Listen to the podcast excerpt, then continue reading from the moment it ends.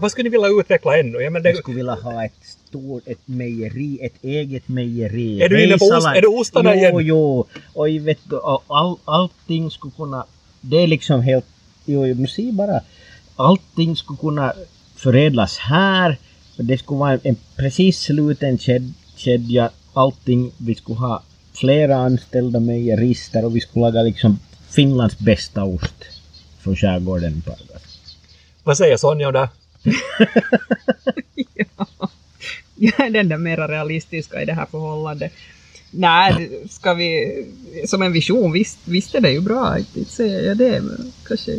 Vilket i först, nu i första hand, jag ser lite, så lite kortare i framtiden så, så vill jag ju ha den här produktionen nu att rulla som vi har nu. Och, och att vi får, får den upptrimmad så att djuren mår så bra som vi har liksom tänkt att de ska göra. Och, och få mycket fett och protein ut från dem och så här vidare, eller via mjölken förstås. Men inte det är ju omöjligt i framtiden sen någon gång.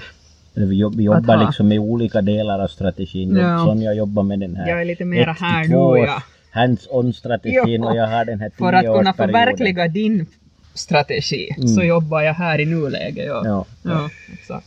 Det är så man ska göra när det gäller strategiarbete, att du delar in det i strikta sådana här ting, så de har ingenting med varandra att göra. Det har jag förstått, det här strategiarbetet.